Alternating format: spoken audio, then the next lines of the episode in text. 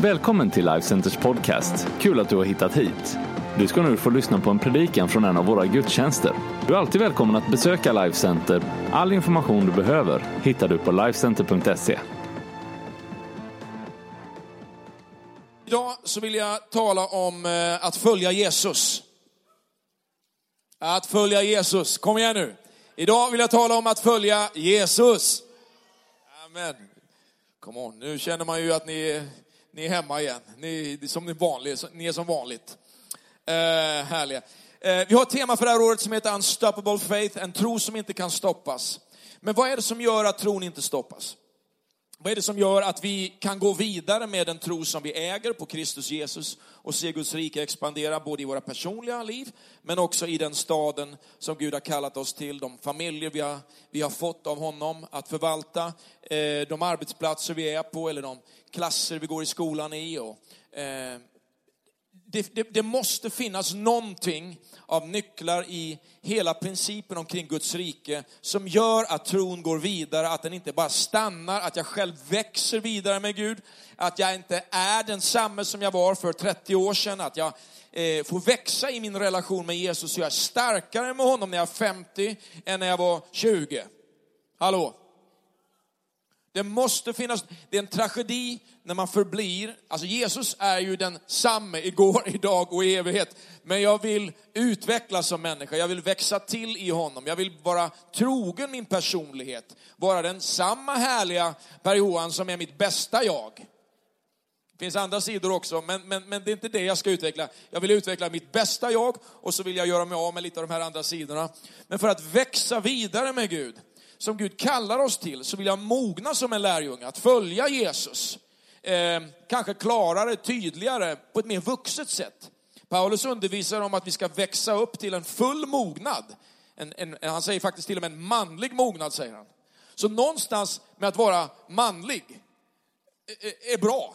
Det här är alltså inte primärt då någon form av, av könsfråga eller någon kamp mellan könen, men, men det finns någonting att vara en moder, en fader, en, en, en man, en kvinna, en gudsman, en gudskvinna som är bra, som är starkt, som, som, som kan hjälpa oss.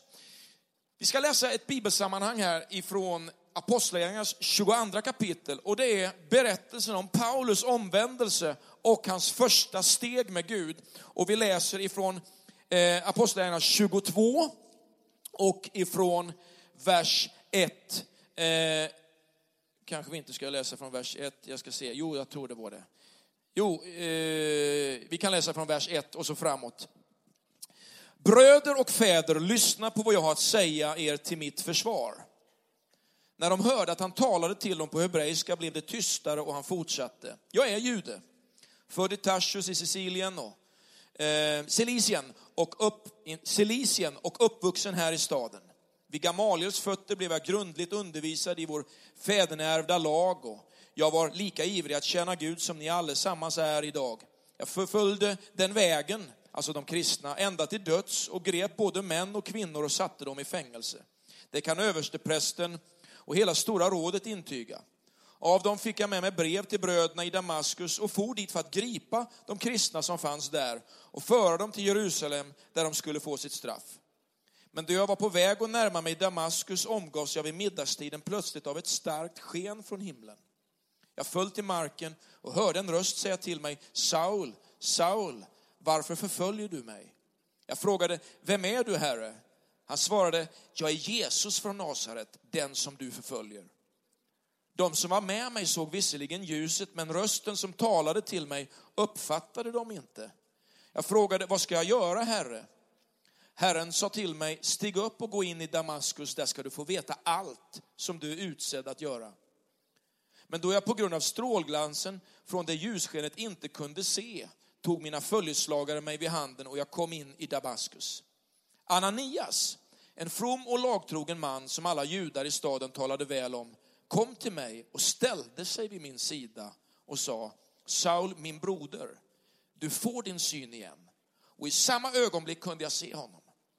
Då sa Ananias, våra fäders Gud har utvalt dig till att lära känna hans vilja, till att se den rättfärdige och höra hans röst. Ty du ska vara hans vittne inför alla människor och vittna om vad du har sett och hört. Och nu, varför tvekar du? Stå upp och låt dig döpas och tvättas ren från dina synder och åkalla hans namn. När jag senare hade återvänt till Jerusalem och bad i templet kom jag i hänryckning och jag såg honom och hörde honom säga till mig, skynda dig och lämna genast Jerusalem, ty här kommer de inte ta emot ditt vittnesbörd om mig.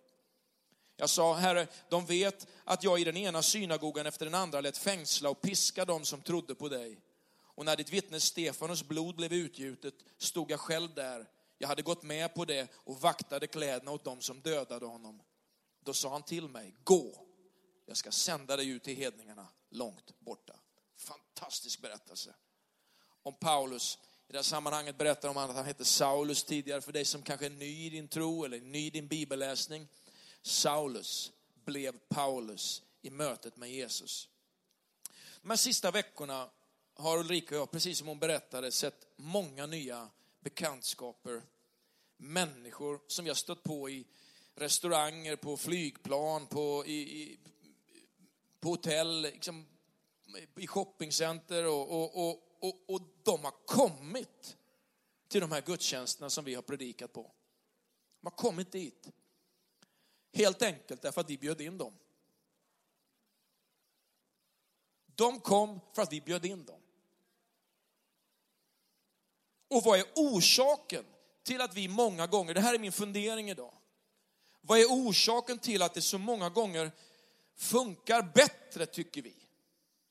När vi är på resa, på platser som inte vi känner till, än när vi är hemma, att bjuda med oss människor för att möta den Jesus som vi har upplevt. Vad är orsaken till det? Om vi får tag på den orsaken så löser vi en stor del av frågan omkring vårt uppdrag. Jag sa tidigare då att den här kyrkan kommer inte fyllas genom att vi skyfflar kristna mellan de olika kyrkorna. Utan den här stan kommer bara uppleva en förvandling genom att nya människor upplever vem Jesus Kristus är. Om inte ens 2 procent i den här staden har mött Jesus som personlig frälsare, vad förändrar det? Ja, inte att vi sitter och tittar på oss själva. Utan det är att vi gör någonting med våra liv. Och jag tror att min predikan idag, det är en utmaning till dig. Att faktiskt skärpa till dig. Det är en utmaning till mig själv. Att ta mitt uppdrag på allvar. Många gånger när vi talar om evangelisation eller att dela vår Jesus tror så kan en del känna sig anklagade. det är inte alls mitt, eh, mitt, min ambition idag. Det är inte alls min, min, min, eh, min uppmaning. Men min uppmaning till dig det är att ta det Jesus har gett dig på allvar. Att vara trovärdig, din kristna tro. Att vara faktiskt ansvarig för det Gud har gett dig och göra någonting med det. Att kanske inte gå till kyrkan som du går och shoppar eller som en aktivitet när du känner för det, utan bli en lärjunge och en byggare av Guds rike.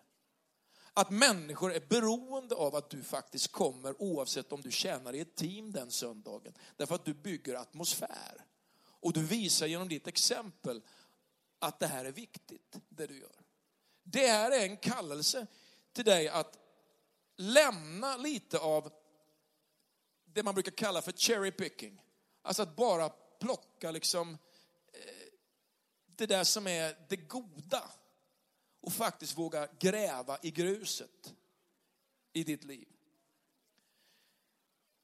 Svaret på frågan är det som gör att människor längtar till team och missionsresor eller bara in i nya sammanhang. Den effekt som Ulrika också var inne på idag när, vi, när hon berättar om att vi upplever ibland att gräset är lite grönare någon annanstans. Det kan jag också uppleva. Jag blir bara bättre ju större publik det blir. Tycker jag i alla fall. Alltså det är inget problem för mig. Eh, jag, jag tycker att jag blir faktiskt helt okej. Okay. Jag tycker att jag är helt okej. Okay. Eh, eh, när jag får vara mig själv. Men jag får gå i det Gud har gett mig. Och jag upplever att det är tid för det. Att vi alla kliver in i det. Så vad är svaret? Troligen något som har att göra med att vi behöver frikopplas från vår rädsla att misslyckas. Därför att det som sker ibland när vi är i nya sammanhang, är att vi känner att oavsett om en människa svarar på vår inbjudan så kan vi alltid bjuda in någon annan. Det verkar som att frimodigheten inte känner samma gränser bortom det kända och det vardagliga. Men ska man nå en stad och se ett förändrat Sverige så måste man erövra en frimodighet i alla dessa sammanhang, både det okända och det kända. Därför att när Paulus går fram går han först till dem som tror. Och sen går han vidare. Så att gå till det som är nära och familjärt, plugget, arbetsplatsen, släkten, vännerna, grannarna, är nödvändigt. Va? För att du också ska ha en frimodighet när du går i andra sammanhang. Va? Jag mötte eh, den som vi brukar kalla för våran pastor, Brian Houston. Vi är en del av det som kallas för Hillsong Family och, och det är ju bra att en pastor har en pastor. Eh, för ibland så kan man undra, om vi ska ha upline leaders allihopa så är det väl skönt om jag känner att jag har en sån också någon gång. Och jag, och jag var i Köpenhamn i onsdags och han talade om att gå en extra mil och pekade på några nycklar till att gå en extra mil i livet. Så sa han så här, do more than you're paid to do. Vad är nyckeln för att gå en extra mil? Ja, att göra mer än man har betalt för. Det utmanar en del. Att göra mer än jag har betalt för. Give more than you have to. Alltså att ge mer än du måste. En del ställer frågan, hur, mycket måste jag vara med? Hur många gånger måste jag gå? Hur ofta måste jag tjäna? Men att ge mer än man måste. Try harder than you want to. Alltså att försöka mer än jag vill. Det finns ju en gräns på allt av försök, va? jag orkar inte mer säger vi. Men att det faktiskt finns något som handlar om att försöka mer än jag vill. Konsumera mer än du önskar. Consume less than you desire. Det är kanske en del av oss känner som har några eh, eh, ja, extra kilon på kroppen. Att det faktiskt gör skillnad om man konsumerar lite mindre, om man ska ta de där fem kilona som man tycker liksom är lite trivselvikt. Men det kan ju handla om annat i livet som vi konsumerar. Att konsumera lite mindre än vad vi behöver. Eller help more than you need to. Alltså att hjälpa till mer än jag måste. För att gå den extra milen, kanske att slösa mindre tid än du skulle vilja. Waste less time than you like to. Det finns någonting i livet som handlar om att slösa lite mindre tid på det som inte ger någonting och att lägga den på det som ger någonting. Jag tror att mycket av att vara utbränd handlar om att man gör saker man inte borde göra. Istället för att engagera sig i det som bygger livet. Mer tid för Gud än jag brukar. Är det bara att checka av söndagen eller finns det ett djupare liv i Gud? Som längtar efter mer av honom. När vi möter Paulus i den här texten så är det år 57 efter Kristus. Det kan man se genom olika händelser, och olika ledare som dyker upp på de skrifter som har funnits i det romerska och grekiska riket och det som finns i det som finns av historieförteckningar. Det har gått 23 år sedan hans omvändelse år 34. 23 år efter det att han blev frälst och mötte Jesus så ger han den berättelse som vi har läst om här. Och därför så är hans personliga vittnesbörd ett tydligt besked om vad, vad det verkligen är som Paulus värderar. Vad han lyfter upp och vad han bygger sin tjänst på. För oftast är det så här att när vi lever våra liv så kommer vi tillbaka till några avgörande ögonblick som format våra liv. Jag brukar vittna om när jag mötte Jesus som en 14-åring och upplevde hans kallelse och känna honom. Så möter jag också i mitt liv i vittnesbördet om den resa jag gjort, olika händelser som har gjort mig till den jag är. Det är ju det man berättar när man får de här korta, vem är du? Jag är det här och jag gör det här. Men när vi då ser Paulus liv här så ser vi att han har tydliga förutsättningar för sin berättelse. Han hade mött Jesus. Och ni vet, jag brukar ofta eh, citera de här två eh, frågorna han ställer i Apostlagärningarna 22. Vem är du? Ja, Jesus säger han, den som du förföljer. Vad vill du jag ska göra? Gå in i staden, säger han. Alltså det här med att, att förstå vem Jesus är och vad han vill att jag ska göra är förutsättningar för det som är mitt liv. Och i Paulus liv så har det inneburit massa problem, det har inneburit massa utmaningar, saker som du och jag möter. Vi möter problem, vi möter jättestora utmaningar. Är jag 14 år och går i plugget så kan jag möta problem. Jag kan möta utmaningar 19 år, när jag är 29 år, när jag är 69 år.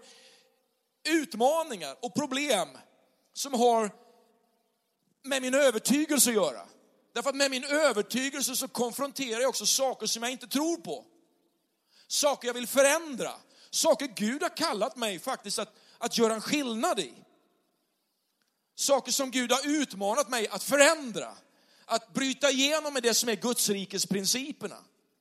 Att det faktiskt finns ett tilltal i mitt liv som jag kan leverera till andra människor för att deras liv ska bli bättre med Jesus, men också i det sätt de lever. Att de inte behöver kämpa i egen kraft längre. Att de inte behöver kämpa mot värderingar som det här normsystemet i vårt samhälle säger, det här är okej. Okay. Fast Guds ord säger, det är inte alls okej. Okay. Det är faktiskt så att det som inte är politiskt korrekt kan vara korrekt.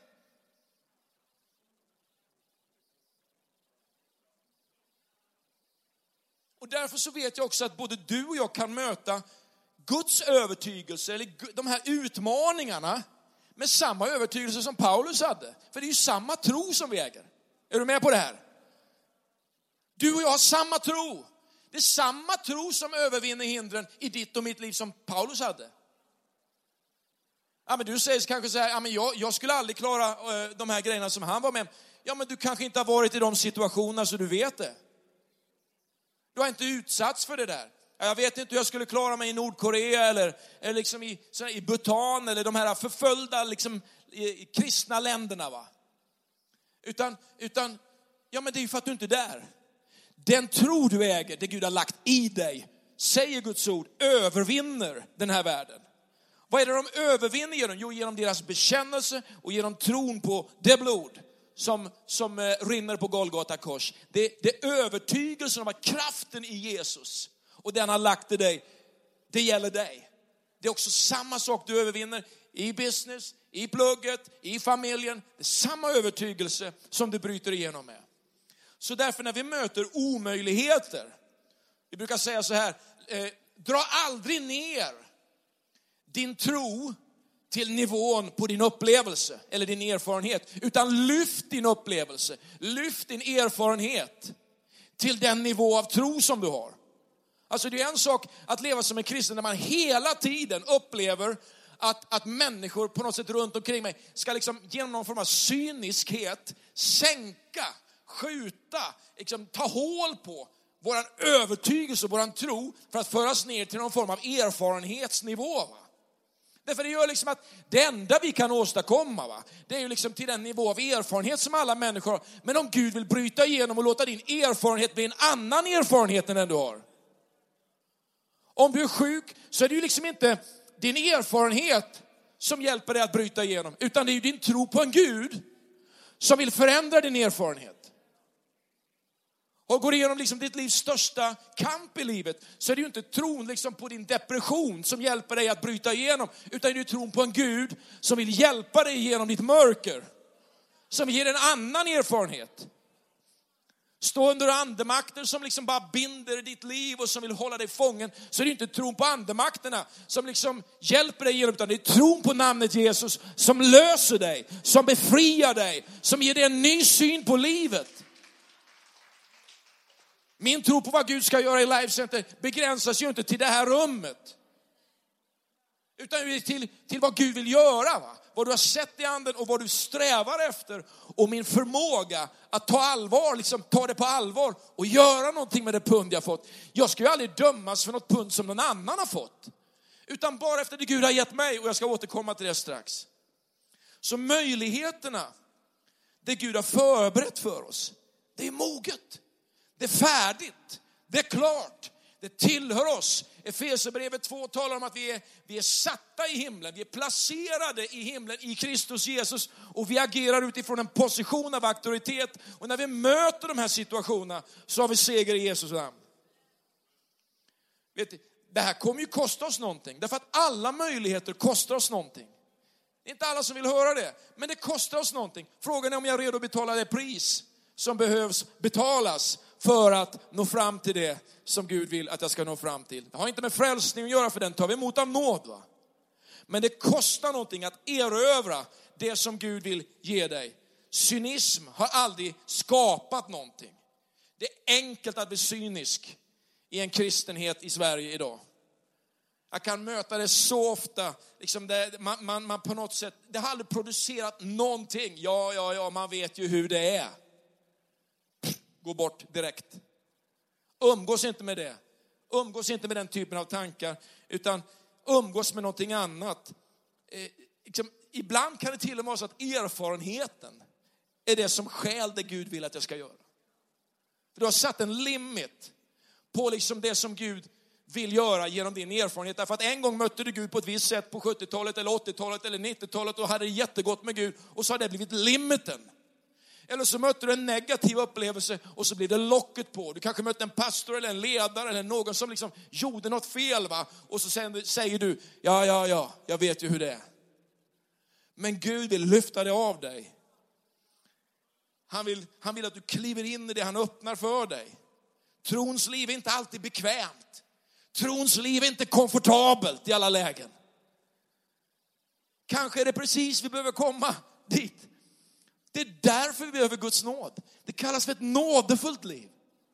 Därför att Guds nåd finns där oavsett omständigheterna. Så vägen in i det här livet, jag har fyra stycken enkla punkter du ska få på en väldigt, väldigt kort tid här idag. Det första är det här, du behöver ditt Damaskus. Du behöver fejsa ditt Damaskus. Vem är du Herre? Att förstå vem Jesus är för dig. Vem är Jesus för dig? Är han liksom jultomten eller är han din frälsare och din Herre? Du vet den här vägen till Damaskus, det är en uppgörelse med mitt eget försök att förstå vem Gud är. Gud är ande och Gud kan bara upplevas på det sättet att hans ande ger din ande liv. Du kan försöka intellektualisera Gud och söka Gud liksom i, i formler på något sätt. Men när du möter honom, då förändras allt. Du kan själv få möta honom. Du behöver inte liksom någon medlare emellan. Du kan gå direkt till Jesus Kristus och möta honom och bjuda in honom i ditt liv. Så frågan är, har du haft din Damaskusupplevelse? Annars kan du faktiskt få den idag. Du kan få möta honom, uppleva vem han är. Bara se honom tala in i ditt liv. Få knäppa dina händer, börja tillbe honom och välkomna honom in i ditt liv. Och särskilt skulle jag säga till dig som har dragit kanske undan lite ibland för pressen eller prövningarna du mött. Bara kom tillbaka in i den kärnan och i det epicentrum som är mötet med Jesus Kristus själv. Han är där och han finns där. Det andra jag tänker på är att du behöver hitta någon som talar in i ditt liv. Att hitta den här Ananias. Det är inte ananas det står här, utan det är Ananias. va? Ett namn. Det står i vers 13 att Ananias kom till mig och ställde sig vid min sida. Vi behöver alla vänner. Vi behöver alla någon i våra liv som kan hjälpa oss fram till tro och vidare in i ett sant lärjungaskap. Det är därför jag älskar kyrkan, det är därför jag älskar connect-grupper, det är därför jag älskar team. Därför att någonstans så ställs vi sidan av varandra. Va? Som gör att människor får titta in i mitt liv och säga, ja men det där kanske är kanon, va? Men, men använd det. Eller det där kan du jobba på. Va? Vi behöver en Ananias. Och det som är så intressant med den här Ananias är att du behöver bli en sån. Både du och jag behöver vara sådana. Vad är det för någon person? Ja, det står här att han var from, han var lagtrogen och man talade väl om honom. Alltså, det var en som älskade Gud. Han älskade det Gud gjorde och han hade ett inre liv med honom. Han hade ett inre liv med Gud. Det är liksom fromhet. va. Han, han, han var andligt trovärdig. Han levde med Guds ord. Han hade liksom en, en, en, en riktningsgivare i sitt liv som han levde efter. Va? Det var inte liksom, nu känner jag för det här och nu känner jag för det här. Men han levde efter någonting. Han hade liksom någon guideline, en guideline, en, en, en, en bäring i sitt liv som gjorde att han följde någonting. Man ser att han hade ett gott omdöme. Alltså att det finns faktiskt liksom något som är okej okay med att det andra säger om mig är bra. Tänk att vara en människa som människor talar gott om. Vet du, PJ, det är en bra pastor, det är en bra kille. Han, han, han, han är bra. Alltså, att, att, att, få ett omdöme om sig att man ständigt är en bondlurk eller, eller liksom en typ. Va? Det är inget gott. Det är inget gott. Låt oss tala gott om människor, men låt oss också leva liv som blir trovärdiga. Du kan vara en sån person och förändra världen genom att vinna många för Gud. Paulus var inte en sån, för han hade inte något gott omdöme om sig. Han nitälskade Gud, men han levde inte efter den uppenbarelse som Jesus hade gett liksom, de andra. Va? Men så fick han möta Jesus och allt förändras. Va? Och det som är så skönt med Ananias också, det är att han talar ut tro över Paulus liv. Han säger till honom så här, Gud har utvalt dig, säger han. Vi behöver springa omkring precis som, som, som Ulrika gjorde här idag. Tala tro, va? tala kallelse över någon. Se alla de här unga som varit på läger, bara tala tro över deras liv. Någon kanske går igenom en situation och bara tala tro över den personen, tala kallelse över den personens liv. Det finns så många här va, som jag fått tala ut över genom åren. Flera liksom jag tittar på här just nu i kyrkan och jag har fått se situationer, det har varit mörkt va. Man får tala ut det Gud har bestämt om ditt liv. Och blir du också en sån person där du lyfter människor med det du säger omkring dem, någonting helt fantastiskt. Också en vikt av att, att, att leva på djupet. Han sa till Paulus så här, du ska lära känna Gud, sa han. Du ska lära känna Guds vilja. Det innebär liksom när jag säger det till en ung kille så, så att du ska lära känna Guds vilja, det är att jag tror det här om dig. Det finns mer i dig. Det finns mer i dig. Du ska lära känna Guds vilja. Du är inte färdig än. Du har börjat resan och det är bra va. Men du ska få lära känna mer av vad Gud är och vem Gud är för dig. Han var Jesus-centrerad. Du ska möta Jesus och du ska höra, ta, liksom, höra honom tala igen. Va? Han talade om det här med att, med att eh, eh, han ska se den rättfärdige och höra hans röst. Det kanske var det som drev Paulus tillbaka till templet där han liksom drabbades av hänryckning. För han fick höra Jesus tala igen. Va? Jesus vill tala in i ditt liv. Han hade uppdraget för ögonen. Du ska berätta om det du sett och vara hans vittne, stod det. Vara hans vittne. Jag tycker det är fantastiskt att vara ett vittne. Det tredje jag tänker på här, det är att han, han utmanar honom att lämna sitt förflutna. Står i vers 14. Varför tvekar du? Så. Han har mött Jesus, men ändå så tvekar han. Han hade mött Jesus, han hade haft en uppenbarelse. Det här är Jesus i mitt liv. Wow! Han talade, han kallade mig. Han befriade mig liksom ifrån min blindhet och jag fick se fick se världen igen. Men så stod det, varför tvekar du? Stå upp och låt dig döpas och tvättas ren från dina synder. Dopet är en uppgörelse med vårt förflutna. Vi, vi, vi begraver vårt gamla.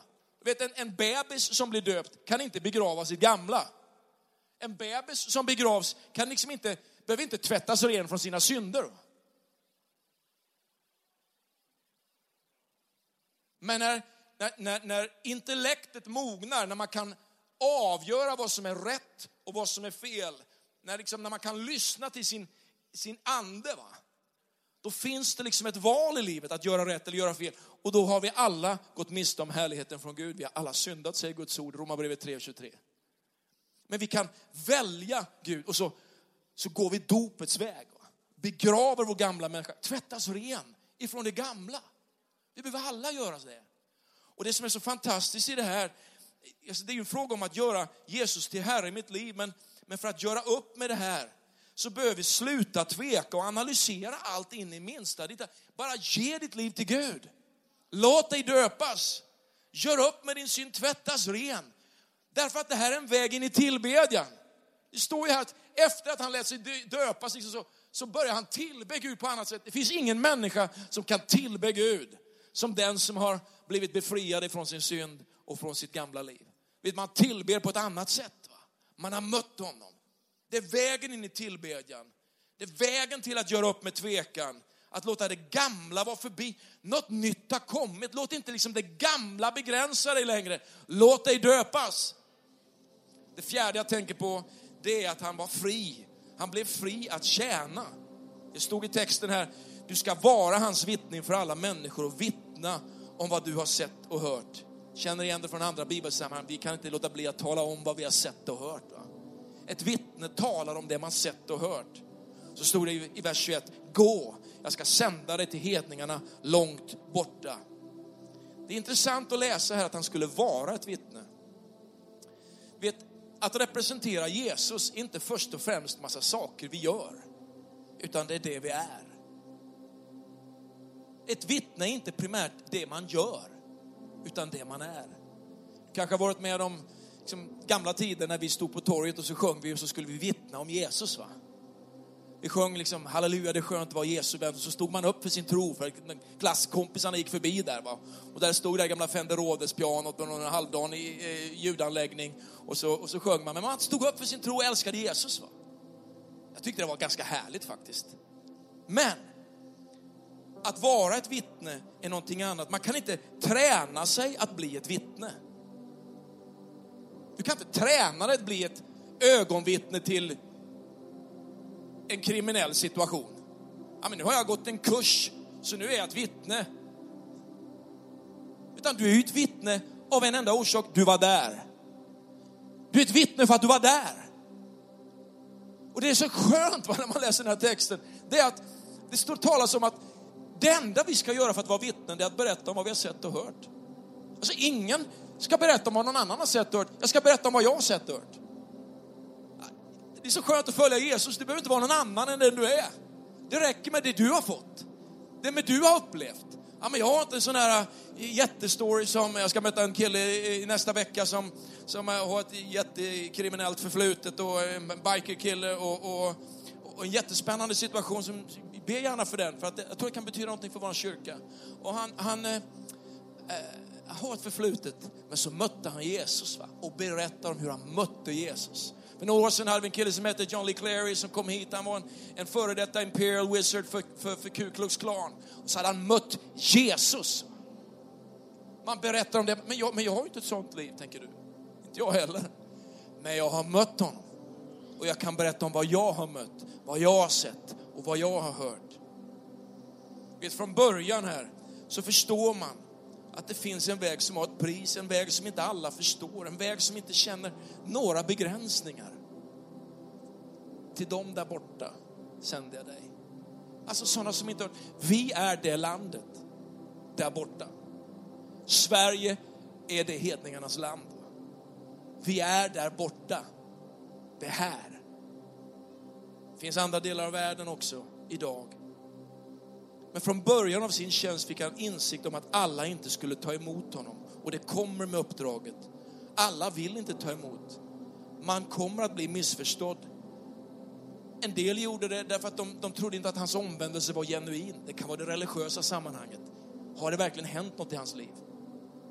Men det finns också någonting här som är så viktigt och det är att det fanns andra som bekräftade honom. Det fanns en annan som, det, det är okej okay med PJ, han har mött Jesus på riktigt.